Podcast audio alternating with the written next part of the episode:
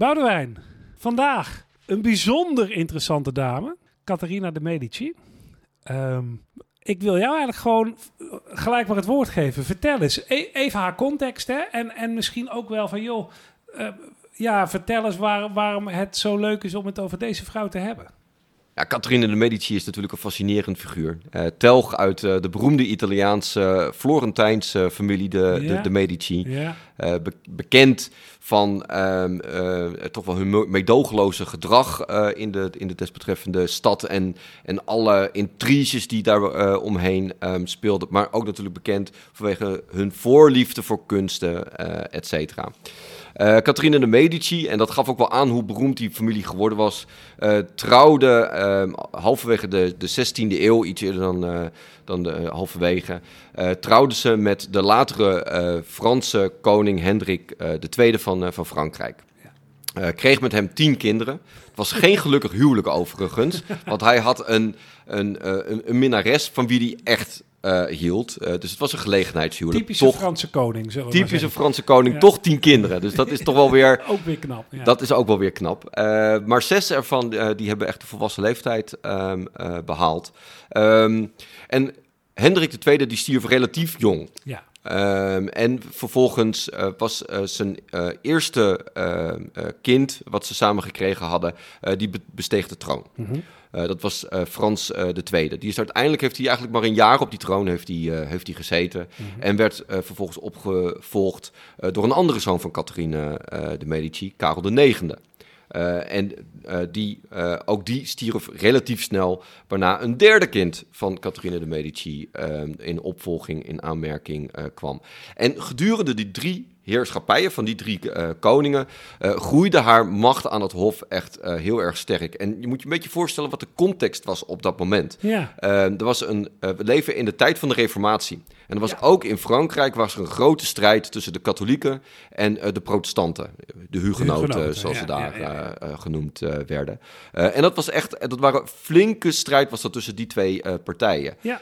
En ja, Catharine de Medici, die, die zat daar middenin. Ook aan het hof werd ze daarmee eh, geconfronteerd. Ehm, en ja, waar zij zich mee bezig hield was van, ja, wat betekent dit voor de Franse troon? Wat betekent dit nou eigenlijk voor mij? Wat betekent dit voor mijn kinderen eh, vooral? Blijven die de mogelijkheid hebben om, eh, die Fran om Frans koning te blijven, ook al zijn ze zo jong? Ja. Nou ja, en dat brengt denk ik op een hele mooie manier haar uitdaging als het ware naar voren. Want wat je al beschrijft, hè, dat, dat nou, die twee grote eh, machtsblokken, protestanten, hugenoten, eh, riepen wij al mooi eh, in koor, en katholieken. ehm, zeker nu wij terugkijken, hè, dat, dat realiseer, realiseerden wij ons ook al in het voorgesprek een beetje. Kijk, als je terugkijkt kun je dat beter zien. Maar ik denk dat zij goed heeft aangevoeld dat op het moment dat je aan de verkeerde kant stond, dat het ook zomaar eens even het einde van eh, nou ja, je dynastie in het beste geval, of gewoon je leven in het slechtste geval kon, kon zijn. En er zijn ook genoeg historische figuren die wij vast en zeker nog in een later tijdstip zullen eh, behandelen, die, die uiteindelijk wel aan de verkeerde kant eh, s- van de geschiedenis, zou ik niet zeggen, maar in ieder geval aan de verkeerde eh, eh, machtskant stonden en dat met het leven hebben moeten bekopen.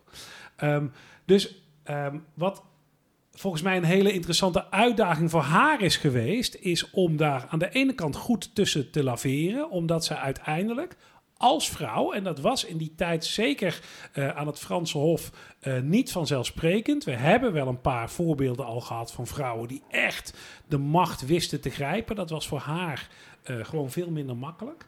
Eh, om toch te zorgen dat haar erflijn, haar familie, gewoon aan de macht kon blijven in Frankrijk. En dat Frankrijk ook in dat geweld van die godsdienstoorlogen gewoon een relevante natie wist te blijven. Dus ik denk dat, dat haar uitdaging daarmee best een forse was. Juist omdat ze de formele macht niet had. Hè? De, Ja. Weet je, wel heel veel invloed, maar niet heel veel macht. Nee, nee, ze had geen machtspositie. En ik vind het wel fascinerend inderdaad wat je, wat je zegt. Want zij wist niet welke kant zou gaan winnen. Nee, Dat is een. Precies. Ik bedoel, tegenwoordig Precies. dat is makkelijk terugkijken. Hè? Ik bedoel, wij weten ongeveer hoe, zich dat, eh, eh, hoe dat verder is gelopen in, eh, in Frankrijk. Ja, zij natuurlijk niet. Dus je zag ook dat zij een, niet zozeer een neutrale positie eh, innam, maar wel ambivalent. Ze wist ehm, heel goed hoe het ging aan die hoven. Dat had, ze misschien, dat had ze waarschijnlijk ook met de paplepel vanuit de Medici-familie had ze dat meegekregen. Ja. Ze wist positie te kiezen in die intriges. Ja. En wat je ook heel terecht zei, ze moest dat als, als vrouw doen. Ja. En ehm, ja, dan, dan kan je niet zomaar eh, doen wat je destijds als man ehm, zou eh, kunnen. Dus zij moest met haar identiteiten moest zij, eh, spelen. Zij kon alleen maar die invloed uitoefenen omdat ze zich wist te presenteren als de toegewijde weduwe. Ja. De, de, de toegewijde de vrouw van eh, de, de voormalige koning Hendrik eh II. En als toegewijd moeder. En dat was in die Van- periode, wa- waren dat twee hele belangrijke identiteiten... op basis waarvan ze ook daadwerkelijk invloed kon, eh, kon uitoefenen. Dat werd ook geaccepteerd destijds in die, eh, in die samenleving. Maar ja, goed, dat is natuurlijk nog wel dan vervolgens de, de vraag van... ja. Hoe, hoe creëer je dat dan? Zo'n zo'n positie van invloed eh, zonder macht Ja. positie. Ja. Nou ja, fascinerend hoe ze dat natuurlijk heeft aangepakt. Door af en toe wat met links mee te bewegen. Af en toe wat met rechts mee te bewegen. Of beter gezegd, af en toe wat met de katholieke zijde mee te bewegen. Af en toe wat met eh, de wat meer protestante zijde eh, mee te bewegen. En dat zie je ook in haar daden. Ik bedoel, we, we kennen, of veel mensen zullen Catherine eh, de Medici ook wel echt kennen rondom de Bartholomeusnacht, 1572. Nog steeds is het niet helemaal duidelijk wat voor rol ze daar nou in gespeeld heeft. Maar ze heeft het in ieder geval niet proberen tegen te houden, niet wetende hoe het allemaal zou gaan aflopen. Ja, ik, ik, ik, ik snap haar positie, kan ik best wel inkomen. Daarmee praat ik het niet goed, maar ik Nee, nee. begrijp wel wat ze daar gedaan eh, heeft.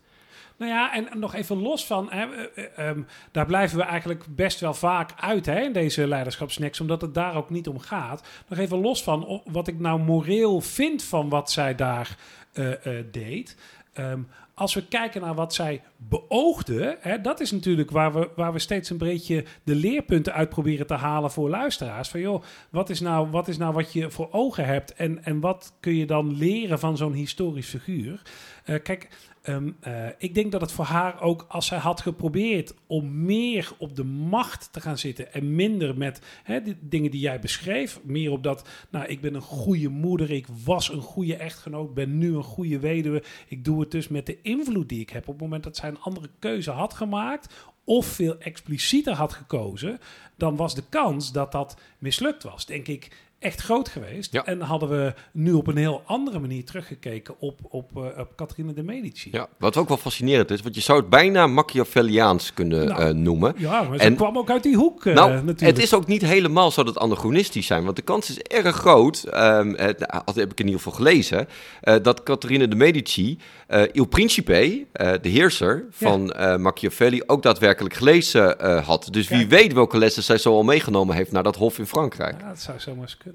Er is iets anders wat mij ook, wat eh, mij bij haar ook wel bezighoudt. En dat is wat wij nu hebben beschreven. Daar zaten veel meer eh, van haar ook bewuste keuzes in. Ook als de keuze was om bewust niet te kiezen.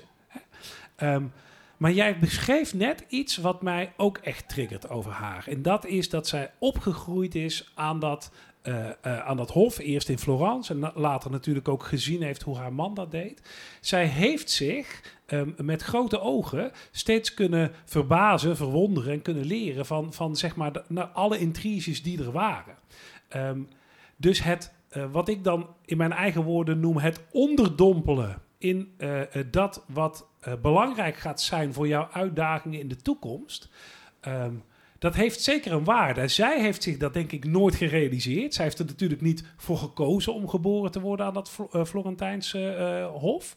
Ehm, ma- maar heeft het wel allemaal gezien. En dat is misschien wel iets wat je mee kunt nemen als hedendaagse, misschien wel aankomend leider. Van joh, dat waar jij denkt dat je later in wil acteren. En of dat nou is, ehm, eh, zeg maar, op een ministerie, bij een gemeente, in een, in een, in een, een, een, een corporate eh, multinational. Of misschien wel omdat je het autosloopbedrijf van je vader wil overnemen.